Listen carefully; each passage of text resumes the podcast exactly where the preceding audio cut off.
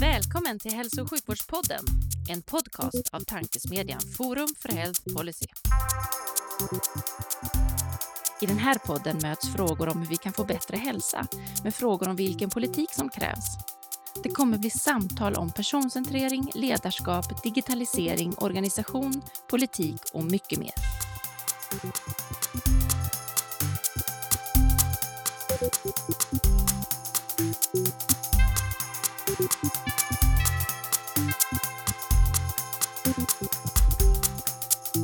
Hej och välkomna till Hälso och sjukvårdspodden, tankesmedjan Forum för Health Policys initiativ för att sprida goda idéer och tankar kring dagens och framtidens hälso och sjukvård och omsorg. Jag heter Magnus Lejelöw och arbetar till vardags för Colivia, men är även ambassadör för Forum för Health Policy. Och vid min digitala sida har jag idag förmånen att välkomna en kunnig och tydlig röst inom den svenska vården och mycket fokus på hur den bör styras på bäst sätt för att ge rätt värde. Varmt välkommen till Hälso och sjukvårdspodden, Jörgen Norreström. Tack. Och det här samtalet ser jag verkligen fram emot. I veckan har kommit en spännande debattartikel från dig och det händer saker hela tiden. Så jag ser, ser verkligen fram emot att höra, inte bara svaret på första frågan, eh, utan, utan, utan hela podden. Men första frågan är som vanligt. Hur tror du att svensk hälso och sjukvård ser ut 2040? Ja, först måste jag tacka för att jag får chansen att samtala med dig på det här sättet. Eh, det är spännande. Eh, ja, när det gäller 2040 så jag skulle vilja dela upp det i två delar. Eh, det får man verkligen göra. det finns många saker som inte fungerar som det borde vara idag. Och det måste liksom åtgärdas nu. Eh, och jag tänkte börja prata lite om det. Och sen är det då naturligtvis framtiden. När vi har fått ordning på allt som vi inte har på plats idag så är det naturligtvis väldigt mycket spännande saker som kommer att hända om, om 20 år. Eh, så att jag tänkte ta det eh, som en andra del. Du är mer än välkommen. Eh, men om vi börjar med den första biten så skulle jag vilja börja med en personlig berättelse som handlar om min mor som gick bort här i våras och hon, hon var 100 år gammal. Men hon var väldigt pigg i huvudet och kroppsligt också, bodde ensam i ett stort hus och hade klarar sig jättebra med lite stöd från hemsjukvården och hemhjälp kan man säga, eh, hemhjälp eh, eh, med, med mat och så och lite städning. Men hon, hon läste flera böcker i veckan och var liksom allmänt pigg person. Och vad som hände var att hon i början på april trillade hemma och bröt höften. Mm. Och det vet vi ju alla att det är ju otroligt dåliga nyheter och eh, en, en väldigt stor utmaning att eh, genomgå en operation och eh, komma på fötterna och komma tillbaks till någon slags situation som man befann sig innan fallet. Så det är en väldigt tydlig liksom, eh, eh, händelse som, som triggar igång ett enormt vårdbehov och ett, eh, ett väldigt eh, stort medicinskt bekymmer. Hon, eh, hon hamnade då på sjukhus och blev opererad och själva operationen gick bra. Man gjorde den enklast möjliga operationen, satt några spikar. Normalt så brukar man byta hela eller delar av höften. Men jag hade bra kontakt med ortopederna innan vi diskuterade här och det gällde att göra så lite som möjligt för att få upp henne så fort som möjligt. Och så att hela den biten gick bra. Sen då efter två dagar så överfördes hon då till en eh, geriatrisk avdelning. Och då började problemen. Eh, alltså det var en, eh, för mig som håller på med kvalitetsfrågor, en ganska chockartad upplevelse. Att man, det var, man fick inte den mobilisering hon fick, det var en dålig vårdmiljö. Det var kosthållningen hade man ingen koll på. Eh, så man gav henne liksom inte chansen att komma upp. Och eh, hon drabbades då av eh, trycksår redan på åttonde dagen.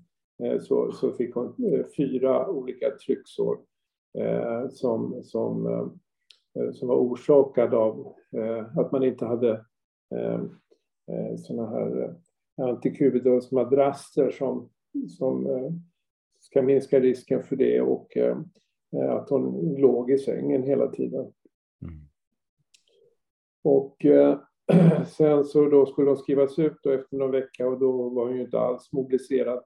Hon kunde ju inte gå ett enda meter eh, innan och eh, då, då börjar då den här svängen med koordinationen mellan sjukhus, primärvård, mellan hemsjukvården, med vårdcentralen och sen så är det liksom kommunens omsorg då. Va?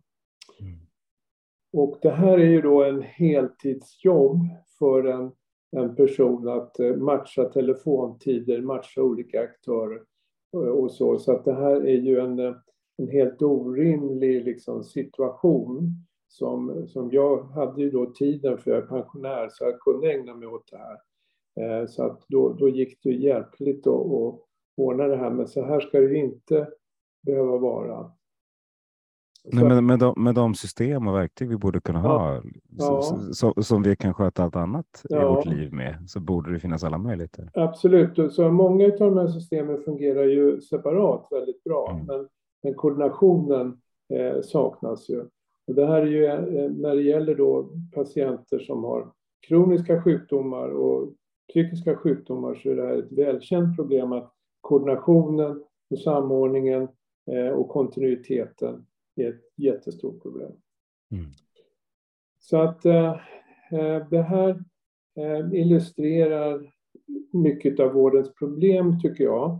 Eh, många aktörer som är inblandade, olika aktörer hela tiden, dålig koordination. Och om vi ska få en bra sjukvård i framtiden så, så vi ska kunna se fram emot nya lösningar och nya system så måste de här basala bitarna om omvårdnad, basal sjukvård och koordination ordnas. Och här har vi tyvärr en ganska lång resa framför oss. Men jag hoppas att den, den, den kan påbörjas lite tydligare och eh, att man, man eh, skapar förutsättningar för att lyfta till nästa steg som innebär att man, man använder innovativa system och så. Men vi kan ha vilka eh, fantastiska Eh, eh, framtidslösningar. Men om vi inte klarar det här basala så kommer alla de där lösningarna liksom inte att, att eh, falla på plats. Så. Det är en fin reflektion, både utifrån en fin beskrivning av din, din mammas tyvärr liksom, tragiska öde, men det, det är ändå, det, det belyser väldigt mycket om, om, systemet. Jag är lite nyfiken på när du jobbade som eh, liksom, aktiv läkare, Eh, du är säkert aktiv läkare nu också för den delen, men när du jobbade på Karolinska, såg du samma saker då eller var, du, var man mer liksom fokuserad? Missade man det när man, när man jobbade på sjukhus? Eh, jag är pensionär nu sedan några år tillbaka så att jag har inga patienter längre, men jag jobbade som kirurg då, eh, endokrinkirurg som det heter då, på Huddinge och Solna under 35 år totalt. Alltså jag tyckte att de problemen var mindre när jag var yngre eh, mm. och i början. Alltså det var mindre folk som var, var inblandade. Det var, eh, det var en bättre kontinuitet och man hade mer tid också för det direkta patientarbetet. Administrationen var ju ganska liten. Så det var inte mycket man behövde tänka på där. Och, så det är väl ett problem att administrationen tar väldigt mycket Eh, tid från det direkta patientarbetet. Och den här administrationen det är ju delvis beroende på att man har ekonomiska system som kräver mycket registreringar. Eh, vi har då eh, också många nya liksom, datasystem som inte hänger ihop och det här är också välkänt så att man måste logga in och logga ut och, Eh, hela sekretessbiten är ju, kan man säga, en våt filt liksom på, på arbetssituationen. Eh, och sen så är, är, det registreringar då för kvalitetsregister och eh, ja, det, det, vad man än gör måste man logga in och logga ut och det, det är ett förfärligt stort arbete som, som tar tid från någonting annat. Ja, det gör det. Sen så är det bra. Vi, får, vi har ju mycket bättre uppföljning och mycket bättre koll och så där. Så det finns ju massa positiva sidor av myntet. Men det ska inte vara på bekostnad av, av, av patientkvalitet. Verkligen inte, men heller helst inte tid till patientmötet. Nej, och sen så hade vi ju då eh, läkarsekreterare och det fanns eh, en annan typ av stöd kan man säga från, från eh, olika medarbetare i vården. Men, mm. men, under en lång rad av år så skulle alla göra allt så att säga. Det var, eh, läkarna skulle skriva journalerna, och, eller gör det nu, och eh, delvis. Och, eh, eh, så att det, det, har, det, har, det är många saker som tar tid från det direkta patientarbetet. Så att jag tycker att det verkar vara, eh, det, det blev sämre på, på slutet när det gäller den biten. Och här måste vi liksom eh, ta nya tag och, och anställa folk som har eh, olika kompetenser och eh, rätt person ska göra rätt sak. Ja, men exakt. Men vi, vi återkommer till det. Jag inser, jag avbröt ju dig mitt i, du var halvvägs in ja. i din första fråga, ditt första svar, men vi blev så nyfiken. Det var ett så fint svar. Ja, men sen när det gäller framtidens sjukvård så så är det ju väldigt intressant. Och, och eh, man kan säga att framtiden inom hälso och sjukvården har ju förut eh, Eh, skett inom systemet. Det har varit eh, basvetenskaplig forskning av eh, forskarna, medicinska forskarna och, eh, och eh, de kliniska eh, liksom verksamma personerna som har utvecklat sjukvården. Men vad som har hänt de sista fem, tio åren är ju då att det är ett tryck utifrån eh, som, som förändrar sjukvården. Det är då naturligtvis informations och kommunikationsteknologin då med sensorer, internet of things och sociala medier och eh, big data analytics och, och sånt. Eh, men sen är det också att patienterna tar ett större plats i sin egen vård. Eh, man pratar ju då om patientcentrerad vård den direkta patientmedverkan. Och man kan väl lägga in precisionsmedicinen här också som är ju otroligt spännande och som kommer att vara väldigt betydelsefull. Och sen är det då eh, att man börjar titta mer på eh, processer från näringslivet då som kan eh, öka effektiviteten och minska liksom, problemen. Det är automatisering, det är Eh, även delningsekonomin kan komma in i sjukvården så, småningom. Eh, och att man eh, går från, att, från volym till värde, så att säga. Att man, att man inte bara ser hur många operationer gör man och hur många operationer får man betalt för, utan man tittar liksom på vad är resultatet. Det gäller att skala bort överanvändning av vård, alltså vård som inte bidrar till hälsan och koncentrera sig på det som verkligen betyder någonting för patienterna. Mm. Så att det är de tre delarna som jag tror kommer styra hälso och sjukvården framöver. Och eh, sen är det då också eh, eh, styrningen av vården som jag tror måste bli helt annorlunda. Eh, vi såg ju under pandemin vad som hände när eh, regionernas beredskap och styrning fallerade så tog då vårdpersonalen själva saken i egna händer och, eh, och eh, löste många av de problem som man hade med, med de här sjuka patienterna. Eh, man liksom bypassade ledningssystemen ganska effektivt efter att ha haft en trög början. Det var väl ingen som hade tänkt sig att göra det här men man såg att det här går ju inte om vi inte själva tar tag i det hela. Så att eh, man måste släppa fram professionerna, det måste bli mera professionell styrning av vården, eh, inte en, en, administrativt ekonomisk styrning. Och eh, då första steget i det här tror jag är att göra sig av med den här nuvarande strukturen med, med de landsting som finns. De är alldeles för små, alltså lägga ner regionerna, det, det tror jag är en, en väldigt viktig eh, sak för att komma vidare här. Och det, det, har man ju då gjort både i Danmark och Norge. Och de har ju haft en helt annan kvalitetsutveckling de sista fem åren än vad Sverige har haft. Skulle du vilja lägga ner alla regioner eller göra storregioner? För, för det ja, finns. Alltså, man, man, kan ju lägga det på staten eh, och, och, staten har inte lyckats med allting heller. Så jag är mest nyfiken på hur, hur du skulle vilja göra. Ja. Nej, alltså jag tror inte man ska prata om regioner utan sjukvårdsområden snarare. för att komma bort från den liksom, politiska styrningen lokalt. Mm. Alltså de regioner som vi har idag, det är bara tre stycken som har ett invånaravtal över en miljon. Vi har den minsta som har 60 000 i sin region, Gotland. Och de andra är 300 000 ungefär. Eh, och det här är alldeles för små områden och det är liksom på gränsen att en miljon är, tillräckligt stort eh, invånare, en miljon invånare. Eh, så i Danmark och Norge har man ju fyra eller fem sjukvårdsområden då som där, där staten uppbär skattemedlen och sen delar man ut det till de här områdena. Och då har man ju då vissa krav på vad områdena ska leverera.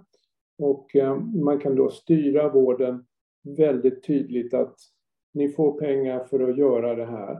Och då behöver man inte ha någon politisk styrning utav, utav vården utan då får man ha professionella eh, eh organisationer som, som, som ser till att det här blir gjort lokalt Eh, och det kan vara offentligt eh, ägda sjukhus eller privata alternativ eller så. Eh, så att det, det, det är en handfull sjukvårdsområden som får klara direktiv för staten vad man ska göra och staten kan då styra vården. Alla behöver inte hålla på med neurokirurgi kanske och, eh, och, och speciell, eh, specialkirurgi. Eh, så att det, det tror jag är en viktig bit och att patienterna också kan röra sig mellan de här områdena beroende på vilken vård som behövs och, och, vilken kvalitet som levereras och så vidare. Mm. Du säger att det inte ska vara politiskt styrt utan att du skulle säga att det ska vara professionsstyrt.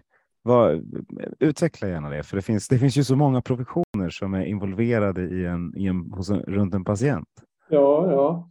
Eh, vad jag menar är att eh, lokalt i de här områdena så behövs ingen politisk styrning så att säga. Politikerna det innebär att 4 800 regionpolitiker kommer inte behövas. Och det är en av problemen till att de inte läggs ner för att de stora partierna vill ju inte liksom, eh, avskeda sina, sina kollegor på något sätt. Va? Men men, men eh, professionsstyrt, det, det, får ju vara olika professioner och olika delar utav, utav vården som ska representeras i de här eh, styrelserna, så att säga, eller områdesstyrningen. Och sen på samma sätt ska det vara lokalt sen i de olika enheterna som ska utföra den praktiska sjukvården ska ju också vara med. Det är ju självklart att eh, alla delar av vården måste eh, liksom representeras på något sätt och eh, få sin röst hörd.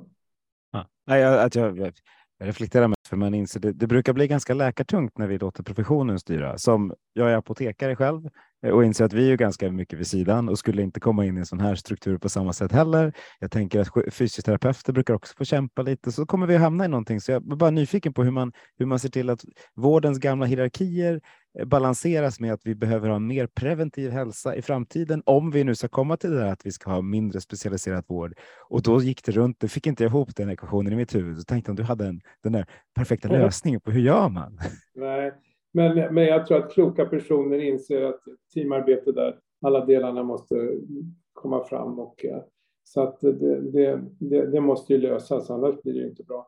Eh, så att, vi, håller, vi, håller, vi håller tummarna för det helt enkelt. Ja, så, så att det är delar av strukturen då som jag tror måste komma på plats. En annan sån där strukturfråga är ju relationen mellan primärvården och sjukhusen. Och jag är ju väldigt extremt sjukhusverksam eh, eh, har jag varit och, och, och så. Men, men alltså primärvården måste ändå vara grunden för, för, för kontinuiteten och för, för, för samordningen. Eh, så att jag tror att eh, sjukhusen, vi behöver några stora sjukhus men kanske inte så många som vi har idag.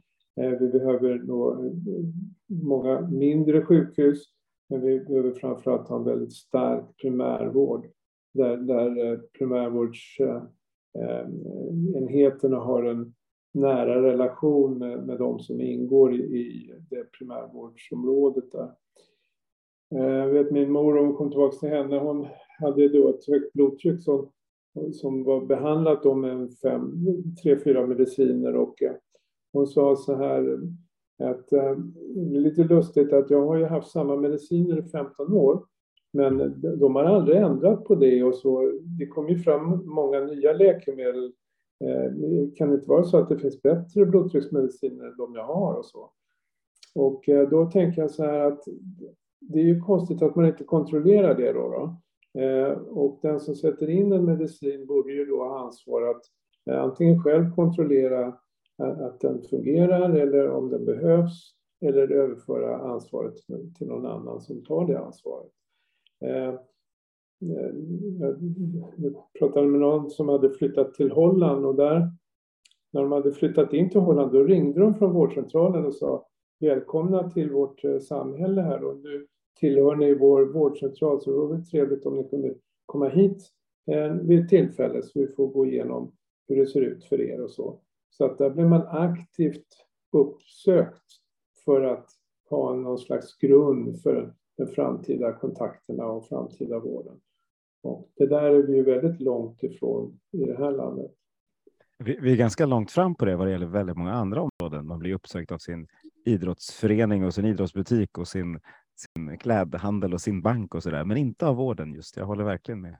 Nej, just när det gäller eh, när man köper saker så blir man ju faktiskt inte av med dem, även om man aktivt säger att jag vill inte ha fler meddelanden från er och så. så att, eh, där har vården naturligtvis en del att lära utav, utav, eh, utav eh, detaljhandeln och andra. Sen är det då du var inne själv på det, det där med förebyggande vård. Och mm. Där de digitala lösningarna är väldigt spännande. Och de, det är ju två delar i det. Det ena är att hjälpa patienter som redan är sjuka att eh, behålla sin, sin, en, en god status eller undvika att man blir sjuk igen. Eh, sekundärprofylax. Men sen är det då den andra biten, den förebyggande, att man genom eh, de här eh, bärbara eh, Internet of Things, wearables som man brukar säga på engelska, klockor och, eh, och ringar och vad det nu finns för någonting som registrerar eh, sömn, hjärtaktivitet, eh, syresättning och så vidare eh, har ju väldigt stor potential att påverka människors beteende. Att man, och det gör det ju redan nu, att man man, ser, man har en viss aktivitetsnivå som man vill uppfylla varje dag. Man kan titta hur, hur sömnen påverkas om man dricker kaffe på kvällen eller om man är ute sent eller, eller så. Så jag tror att eh, eh, rätt använd kommer både kost och aktivitet och livsstil kunna påverkas i en väldigt bra riktning med hjälp av de här nya tekniska lösningarna.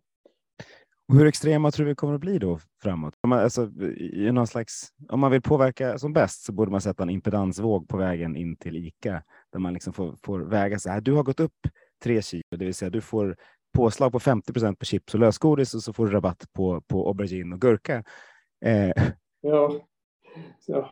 Det, det, är en intressant tanke. Nej, men jag tror att det kommer att påverka oss eh, ordentligt för att eh, vi vill ju må bra.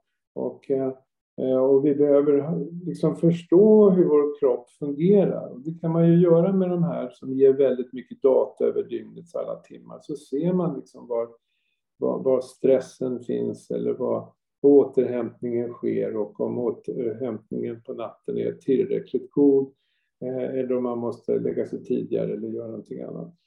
Eh, så att jag, jag tror att det, det, kommer, och det har redan påverkat hälsotillståndet i, i länder som har, har de, eh, en stor användning av de här. Absolut, och det påverkar verkligen hälsotillståndet på oss som använder det, men det kanske inte påverkar vården så mycket utifrån att vår, alltså vården får inte in datan riktigt än. Eh, när, jag, när, jag, när jag går till vården så, får, så, så, så borde de egentligen veta om att ja, men okej, du, du rör dig tillräckligt mycket, du äter lite för mycket, men du sover rätt bra. Hur, liksom, hur ska vi hur ska ja. vi hantera Magnus utifrån Magnus som, som, som den han är? Jo, eh, men vården kan ju inte sitta och ha koll på alla människor utan när det gäller de friska så, så tror jag att man får sköta sin egen vård och eh, försöka ta hjälp om det är någonting som inte eh, fungerar. Men det finns ju en väldig potential också för att sköta de kroniskt sjuka. Och mm. i, när det gäller till exempel hjärtsvikt Eh, så kan man kontrollera att patienten inte går upp i vikt och så. För att eh, går man upp i vikt så är det kanske på väg in i hjärtsvikt. Och jag vet i Danmark då för några år sedan så, så bad man eh, regionerna att identifiera alla som hade kronisk obstruktiv lungsjukdom i avancerat stadium. Och jag tror att man hittade 25 000 sådana här patienter över hela Danmark. Och då sa man så att vi vill att ni, ni, ni har koll på de här och de ska ha en utrustning som gör att man kan skicka då andningsdata eh, eh, in till en, till en databas och då får varje region titta att de här individerna ligger bra eh, eller inte blir sämre i sina värden. Och eh, då avsatte man då från staten pengar för det och ålade regionerna att göra det här. Och bara på ett par, två, par år så hade man kartlagt alla de här kroniskt obstruktiv lungsjukdom-patienterna som är otroligt vårdkrävande och eh, har det otroligt besvärligt när de liksom går in i en, en, en dålig fas. Eh, så att det här är ett lysande exempel på A, vad som händer när staten styr med hela handen eh, och avsätter medel för det här och, och vad som händer när, när patienterna är med på tåget och, och levererar data som man kan eh, observera och eventuellt reagera på. Jo, dessutom kan man ju fånga dem innan de får en behandling. Ja. Så att du liksom, det, det, lite, vi, har gjort, precis, vi har gjort det lite, ja. Förlåt, nu pratar vi munnen på varandra, för båda vill prata så mycket. Nej, men vi har gjort samma sak på, på Roima-sidan mycket med när man använder ett bra kvalitetsregister och faktiskt använder det i vården så kan man se att ja, men det är bättre om du sätter in läkemedel X vid den här tiden än vid den här tiden, för då kommer det ge den effekten som blir bäst för både patienten och samhället. Absolut, och reumatologin är ju för, förebilden för det här eh, hur, hur man kontrollerar då effekterna av olika mediciner och eh, och utvecklingen. Och eh, det här kommer ju att hjälpa oss otroligt mycket i vår läkemedelshantering och, och, och, och vården med, med, med, mycket data som, som patienterna själv genererar och som man kan eh, eh reagera på. Jag blir lite besviken när man har ett sånt fint register som Roima-registret och som MS-registret för den delen, där du har liksom du har den här kunskapen, att vi inte bara breddimplementerar det i mycket större utsträckning, utan att vi tillåter oss att skapa egna liksom, register som utgår från, från respektive funktion istället för att lära oss av de bästa och bara liksom, se, till att, se till att bli mycket effektivare på att sno mer än att bygga själva. Hur, hur känner du kring det? Nej, det är klart att benchmarking då, att man tittar på de bästa enheterna eh, är ju otroligt viktigt. Eh, och det, det, eh, där tror jag att vi tittar för lite på vad de bästa gör. Eh, och det har nog igen ganska mycket att göra med, med att regionerna är lite självgoda. Att det, det, det är eh, de olika sjukhusen låser sig mer än samarbetar. Eh, ser i Stockholm här till exempel så, så är det ju väldigt mycket Eh, sjuk, varje sjukhus för sig så att säga. Man vill inte gärna ha för mycket samarbete och, mellan. Och, eh, det, det, finns, det finns några, några registerhållare som skulle kunna räknas som självgoda också utan att hänga ut någon. Ja, ja, ja säkert. Vi... Och fantastiskt duktiga för den delen. Det var, alltså jag, jag är jätteimponerad av allt arbete, men jag tycker man snor för lite av varandra. Jo, jo, det kan man säga. Och eh, i de här kvalitetsregistren så ser man ju att eh, över, mellan sjukhus och regioner så är det ofta en två, tre gångers eh, variation i vad man gör och vad man eh, presterar. Och ibland är det upp mot 10-20 gånger skillnad. Men det, det, är ganska få som jobbar med det resultat som kvalitetsregistren ger. Mm. Det är många engagerade registerhållare och eh, som skriver väldigt bra rapporter och eh, artiklar om det här. Men, men själva implementeringen av de här resultaten i vården, det, det, det är inte så bra som det borde kunna vara. Precis. Du, vi ska kasta oss över till en, en rätt viktig fråga som jag borde ha ställt dig tidigare, men det var så bra diskussion så jag, jag hamnar inte i den. Vem är du då, Jörgen? Ja, jo, som jag sa, jag, jag är endokrinkirurg i, i, i botten och har jobbat i Stockholm, på Stockholms sjukhus då, i, i min karriär. Och, eh, sen då när... Eh, jag har alltid haft ett intresse för evidensbaserad medicin och eh, jag har skrivit eh, en bok om det. Eh, evidensbaserad medicin i Sherlock Holmes fotspår som användes i läkarutbildningen och i vidareutbildningen. Eh, och eh, sen så då när värdebaserad vård kom in så tänkte jag, aha, det här är ju då en, en praktisk eh, applikation utav evidensbaserad medicin. Så då intresserade jag mig lite för det och då bästa sättet att lära sig någonting om något nytt är att skriva en bok om det. För då får man verkligen koncentrera sig och ta alla delar i sig. Så jag skrev en bok om det, värdebaserad vård. Eh, och för mig är då värdebaserad vård en, en, ett sätt att förbättra kvaliteten. Det är en ren kvalitetsutvecklingsidé eh, eh, kan man säga. Där man sätter patientens utfall och i relation då till till resurser som används, men, men med fokus på att det är patientnyttan som ska komma fram. Jag mm. brukar säga det att, att det finns eh, att bästa sättet att eh, minska kostnaderna det är att höja kvaliteten. Så att en förbättrad kvalitet kostar ingenting utan den, den får man liksom på köpet. Och det finns ju stora kvalitets vinster att göra eh, i, i vården. Eh, så att så min bakgrund är då evidensbaserad medicin kan man säga och numera i kvalitetsarbete och jag, jag, skriver som du säger om de här frågorna och eh, tar uppdrag ibland eh, och har haft eh, återkommande uppdrag i Förenade Arabemiraten vilket har varit spännande. Där man faktiskt jobbar ganska mycket med, med de kvalitetsfrågorna.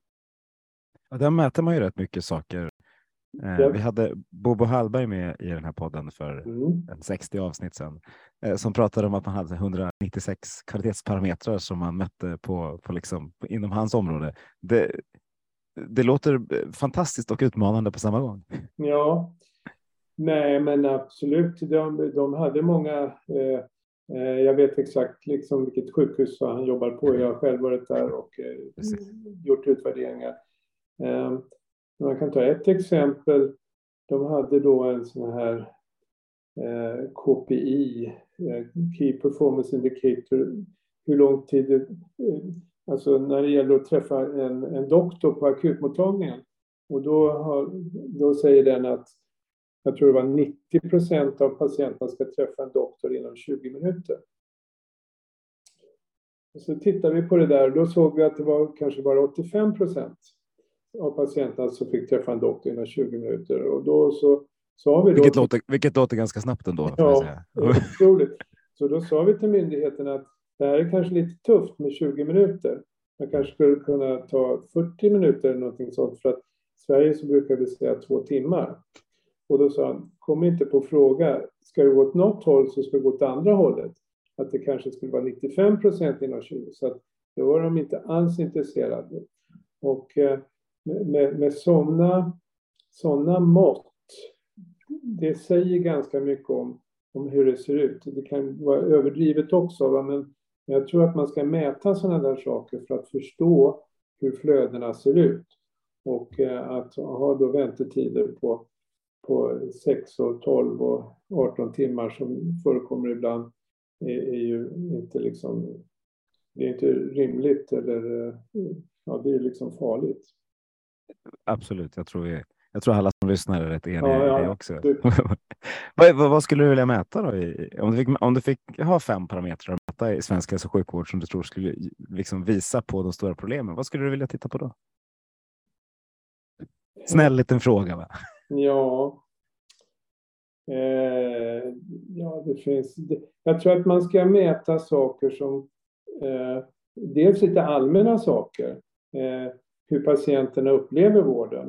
Eh, det är ju väldigt starkt. Skulle du rekommendera den här vården för någon annan eh, med motsvarande sjukdom? Det är ju otroligt eh, viktig fråga. Så att en del frågor ska vara relaterade till patientens upplevelse, patientens utfall. Sen ska man ha några som visar hur, hur, hur processerna fungerar. Man skulle ju vilja veta till exempel följsamheten till riktlinjer. Eh, och det behöver man inte ta alla riktlinjer, men alltså titta på några eh, då och då. Så att eh, jag tror att man ska mäta olika aspekter av vården som direkt patientrelaterade, dels till de processer som man jobbar med och dels några när det gäller utfallen. Men utfallsmått är det svåraste. Processer är lättare att mäta så att man får vara försiktig med de där utfallsmåtten. Men, men, men några utfallsmått tror jag man ska mäta. Det tror jag också. Jag tycker också att det är svårt. Det är därför, därför jag brukar ställa frågan, för vi tycker ja. den är liksom intressant på så många sätt. Ja. Eh, då, du, har ju sett, du, har, du har pratat lite om Nederländerna, du har pratat om Norge och Danmark och pratat med, och då Förenade Arabemiraten för den delen. Är det några andra länder du har tittat på runt om i världen i liksom din yrkeskarriär som du har sett att här gör de bra saker som vi borde, de smultronen borde vi plocka till den, till den svenska hälso och sjukvården? Ja, alltså vissa system eh, kan ju upplevas som väldigt bra, men i slutändan så är det individer. Så att man kan inte säga att ett sjukhus är jättebra eller jättedåligt, utan man ska, det är ju individer i frågan så att man kan ha eh, tur och otur på alla ställen och det är samma sak med, med sjukvårdssystem så är de ju, eh, eh finns delar som är bra och delar som är dåligt och eh, Eh, det är ju ofta ganska svårt att överföra hela system så att jag menar man kan inte ha mm, karbonpapper på på, på, på den danska sjukvården eller holländska eller schweiziska eller så utan eh, man måste anpassa sig lite och eh, mm, försöka ordna med de delar som, som man ser fungerar bra. Eh, ett, ett system som är lite främmande för oss men som ändå har sina poänger i det schweiziska som har ett försäkringssystem där alla måste vara försäkrade, ofta då, eller kanske alltid, eh, privata försäkringsbolag. Och de är ju tvungna att ta en försäkring. Man kan inte neka någon för att man är sjuk eller så. Och eh, de, de utövar ju då en press kan man säga på de som utövar vården. Att de inte gör saker som inte liksom är rimligt eller som inte liksom följer liksom, eh, etiska och medicinska liksom, riktlinjer. Så där får man en, eh, en, en, en viss press på sjukvården också att göra rätt saker. Eh, And, Anders Ekholm lyfte ju Schweiz för två avsnitt sedan och då, han sa att det var en egenavgift som, som kan vara på 30 procent, men att det ändå så att patienterna uppfattar systemet som, som bäst i Europa utifrån, alltså de är de som är mest nöjda med systemet, även om man betalar lite mer. Mm. Men man ska ha klart för sig att svensk sjukvård inte heller gratis.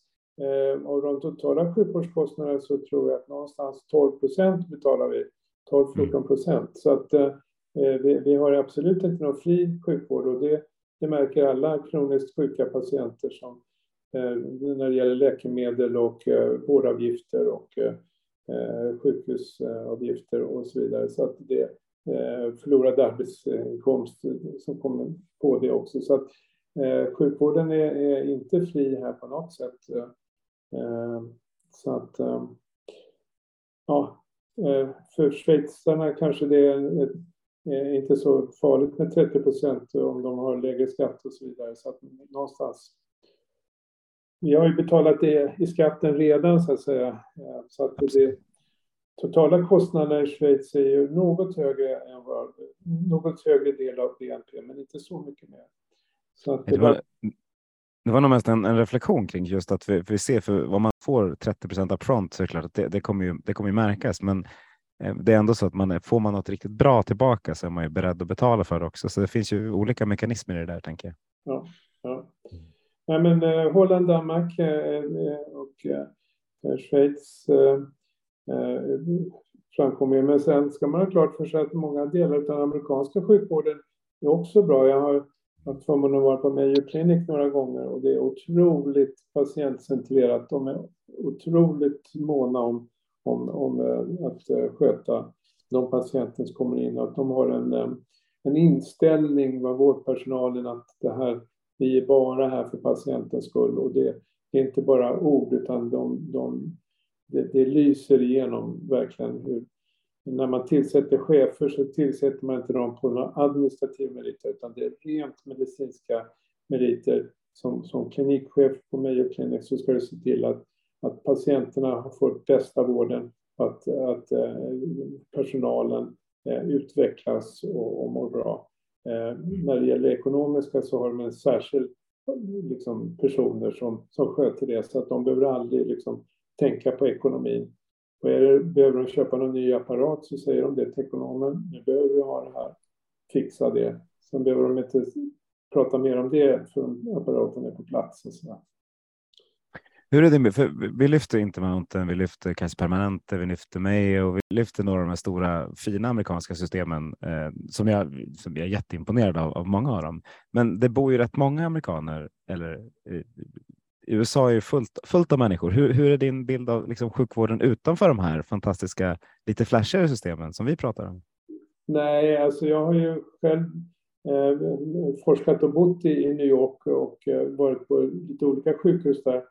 Eh, och eh, alltså kommer man utanför de här prestigeställena så är det ju otroligt torftigt. Nu har jag inte varit där på på 20 år, men då, det, det var ju salar som låg 24 patienter i utan luftkonditionering och så vidare. Så det är ju en otroligt eh, eh, varierande kvalitet på sjukvården. Eh, men jag menar, nu, nu pratar vi om de som är bra och som vi vill bli lika bra på. Men alltså generellt så, så tror jag att eh, svensk sjukvård är, är bättre än den amerikanska. Men, men, vi har inte topparna och vi har inte botten heller. Ja. Ja, för det, det, det, precis. Det, det var just det som är den här jämlikheten. Vi gnäller lite på jämlikheten i Sverige, men tittar man på jämlikheten i andra länder så tror jag att det, skillnaderna är större. Eller tror, jag är rätt övertygad om att det är så. Vi, när, vi, när vi spelar in den här podden så har det gått eh, en och en halv vecka sedan valet ungefär. Eh, vad, vad tyckte du saknades i, i valdebatten vad det gäller svensk hälso och sjukvård? Det var ju väldigt lite fråga om den svenska sjukvården, om eh, de stora vårdköerna och eh, eh, det var lite diskussion om, om regionernas vara eller inte, men eh, alltså den, var, de här sjukvårdsfrågorna eh, kom bort. Det var ingen diskussion om, om covid-hanteringen eh, och, och, om det var bra eller dåligt och liksom hur man ska göra i framtiden. Och, Eh, nej, det var väl de stora frågorna som, om, om kriminalitet och, och, krig och eh, NATO och så som tog över. Så att eh, eh det fanns nog inte riktigt utrymme för de här mera eh, långsiktiga eh, eh vardagsfrågorna utan det var ju Eh, som, som vården ändå är. Så att, eh, får vi se om det blir mera lugn och ro så att man har ett med den nya regeringen att de, om de tänker nytt i något avseende och eh, eh att vårdfrågorna lyfts upp igen. Så att, ja. Mm. Vad, vad, hade du önskat att det var frågor som var med på agendan? Vården är ju som sagt den är rätt komplicerad eh, när, när, det blir de här systemfrågorna. Men vilka frågor hade du velat ta med i valdebatten? Lätta eller komplicerade? Ja, alltså balansen mellan eh, primärvård och sjukvård, absolut. Och eh, och eh, de här väntelistorna, väntköerna som jag skrev i den här DN Debattartikeln här i söndags. Att, att stå på väntelista innebär att man inte får vård. En del kan ju tro att man är omhändertagen för att man finns i något register, men så är det ju inte. Och att det är liksom 650 000 patienter som står i vårdköer. Alltså det här är ju det, det, är ju inte liksom, ehm, det är ofattbart. Hela Göteborgs invånarantal står på väntelistan. Mm, det, det, är liksom, det är unikt. Det finns ju inget annat land i världen som, som har sådana här väntetider och eh, eh, att inte det blev någon diskussion om det, det är väldigt konstigt. Mm, kan hålla med dig. Jag rekommenderar alla att läsa den debattartikeln. Oavsett vad man tycker i frågan så är den välskriven och har eh, liksom, mycket spännande, spännande vinklar att debattera kring, vilket vi ju älskar att göra. Eh, ska, eh, du sa tidigare att du tror att i framtiden kommer vi att plocka med oss många processer från näringslivet in till eh, svensk hälso och sjukvård. Jag är alltid nyfiken på när, man, när vi plockar saker utifrån, för jag tycker verkligen vi ska plocka från andra delar av, av hälso, eller alltså andra delar utanför hälso och sjukvården. Näringslivet är ju Eh, där finns det mycket att ta. Vad, vad, skulle, vad tror du för, vilka processer tror du vi kommer att ta med oss till svensk hälso och sjukvård och varför? Eh, en allmän inställning som, eh, som är ju att eh, man ska lösa problemen så långt ner som möjligt i organisationen. Eh, som det är nu så förs alla problemen uppåt i sjukvården. Är det brist på vårdplatser så, så, eh, så, så kontaktar man chefsläkaren eller, eller sjukhusdirektören och, och så. så att det, vårdpersonal måste få mandat att lösa de problem som, som uppstår. De måste ha en budget för det och de måste, eh, de måste hantera det. Det finns en bok som, som är otroligt läsvärd som inte så många känner till som heter If Disney ran your hospital. Mm. Ja, det, den är skriven av en, en, person, Lee, som var på Disney. Eh, och Disney är ett jättestort företag. De hade 80 000 eh, Eh, medarbetare i Orlando. Och eh, sen, eftersom företaget ansvarar för vården för sina anställda och familjerna så, så köpte man ett sjukhus, Florida Hospital, för att vårda sin, sina, sin personal och anhöriga. Och eh, Disney är otroligt noga med hur, hur man sköter sig på, hur de anställda sköter sig och med, med kundcentrering och och att det var snyggt och ordning och reda och säkerhetsfrågor och så vidare. Och då när de här kom till, till sjukhuset så såg de att det var inte alls samma kultur eh, på sjukhuset som de hade på, på Disney. Och då tillsatte de den här killen Lee som var vice vd på företaget, blev eh, eh någon ställföreträdande eller vice sjukhusdirektör på, på sjukhuset och så implementerar man eh, Disneys sätt att närma sig patienterna, eh, hantera problem och så. Och det blev en otrolig liksom, skillnad och han beskriver var i skillnaderna ligger där. Eh, så att jag kan rekommendera den. Den, den har några, några år på nacken men den går att få tag i på Amazon och andra ställen. If this brand hospital. Så att det finns mycket att lära eh, av näringslivet vad det gäller eh, kundcentrering, ta hand om klagomål, ta hand om problem, fixa problem.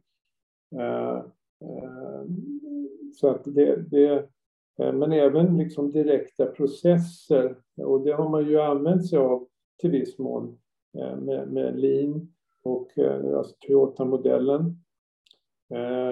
Och det passar ju inte för alla delar av vården men för där det passar så, så fungerar det bra. Vissa sjukhus i USA eh, använder ju ganska mycket av eh, lean production-tänkandet. Eh, och det har vi även gjort i Sverige, i Lund och på Karolinska, Sankt Göran och på andra ställen och med, med ganska bra resultat.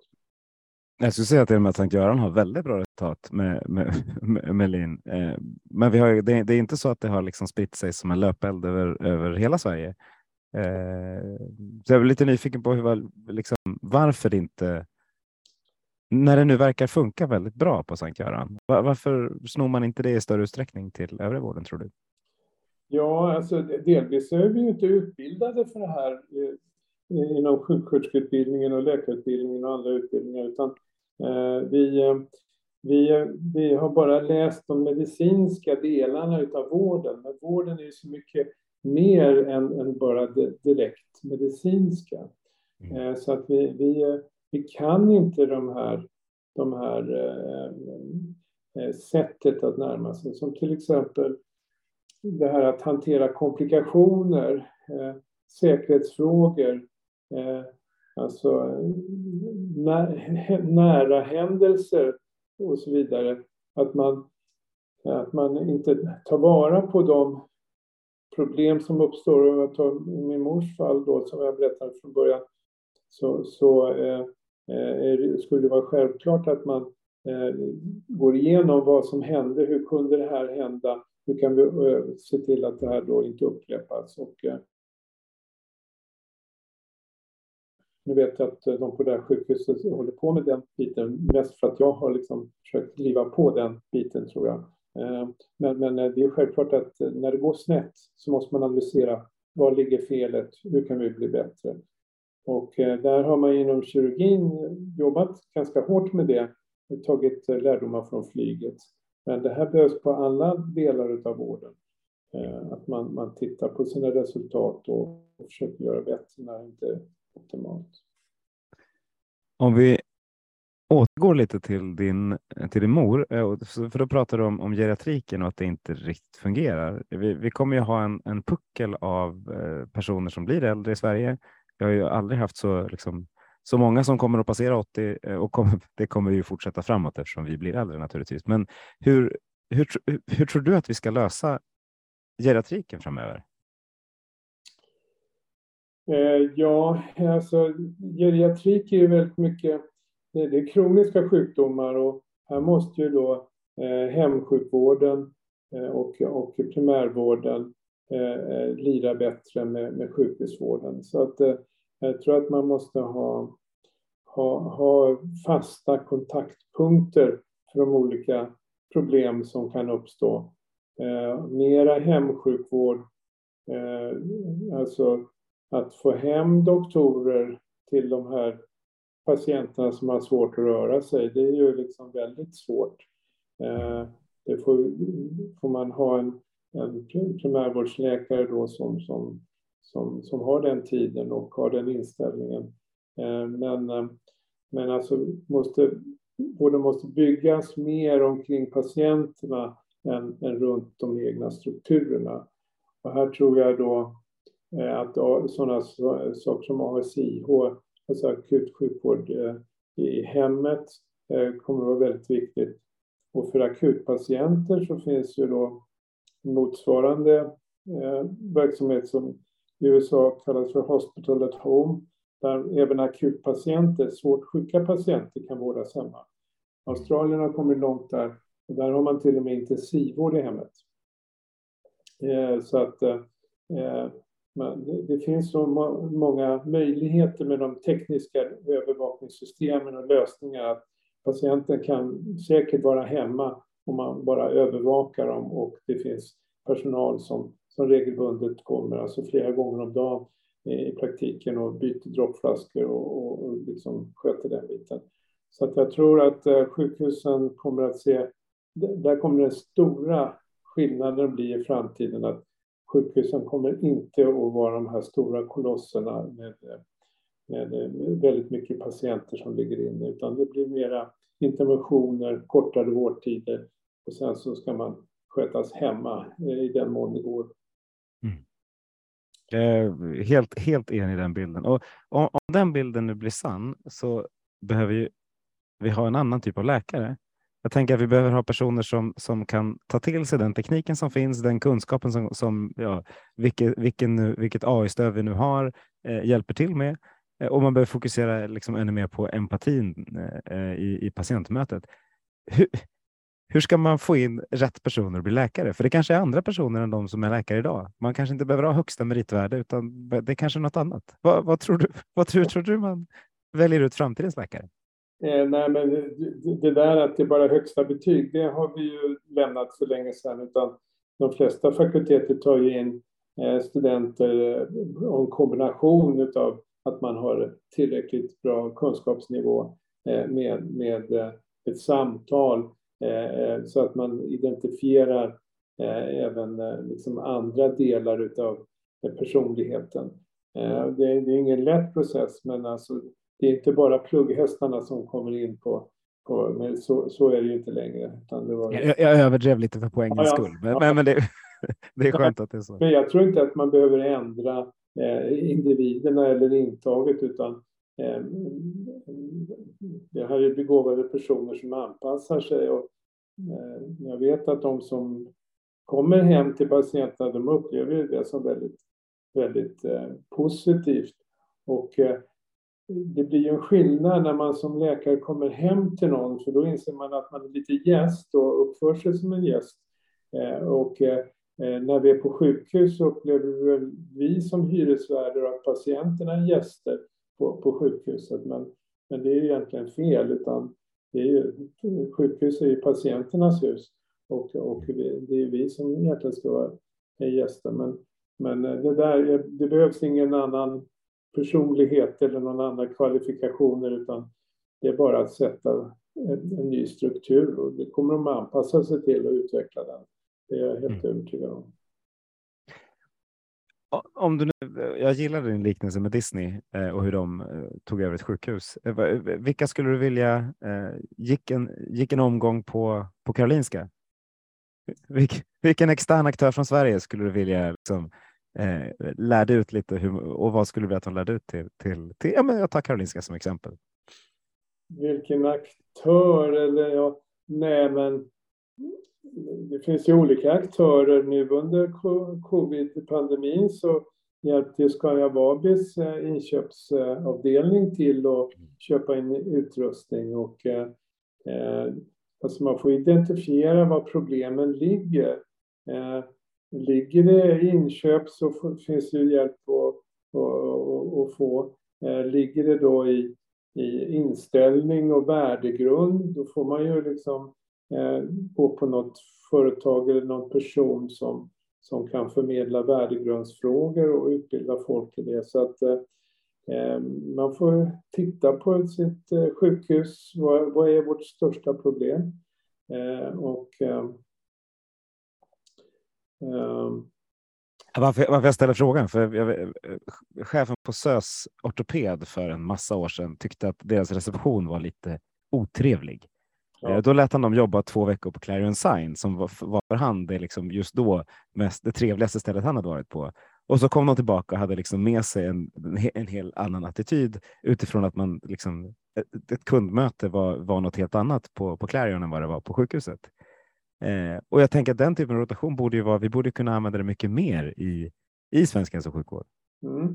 Men det där är en intressant eh, observation att någon har tyckt att receptionen inte var bra och sen tar man tag i det hela.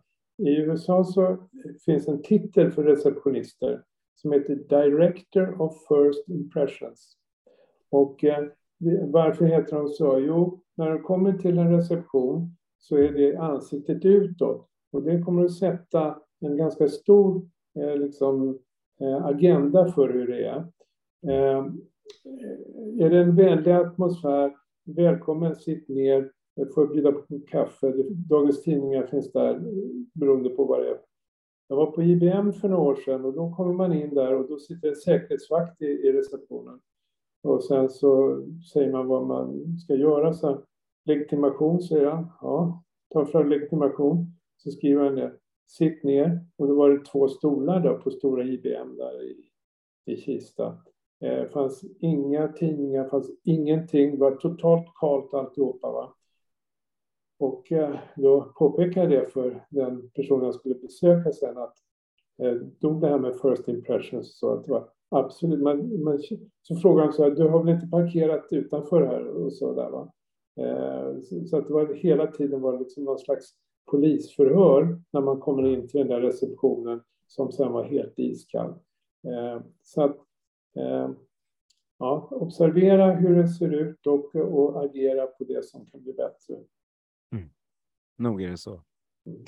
Eh, nu har vi pratat i nästan en timme. Det är helt fantastiskt tycker jag hur ett sånt här samtal bara flyter på. Det finns så mycket, jag har jättemånga följdfrågor, men jag tänker att en timme brukar vara ganska bra om man är ute och går sin, mm. sin promenad och så där.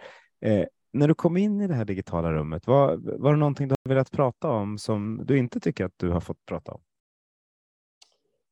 Eh, nej, nej, det tycker jag inte, utan jag tycker att eh, alltså, svensk sjukvård har väldigt eh, många bra bitar, men, men personalen är lite, eh, har handklovar på sig eh, att utveckla vården vidare, så att vi, vi måste släppa loss de, de krafter som är lite tillbakatryckta nu och sluta prata ekonomi bara i, i sjukhusledningar och annat utan prata liksom eh, prata hur kan vi förbättra verksamheten. Mm. Och eh, i den här eh, eh Disney Ranier Hospital så brukar de fråga då när de har de introduktioner på, eh, på, på Eh, Eh, för att börja på Disney så säger jag så här, vilken är våra konkurrenter?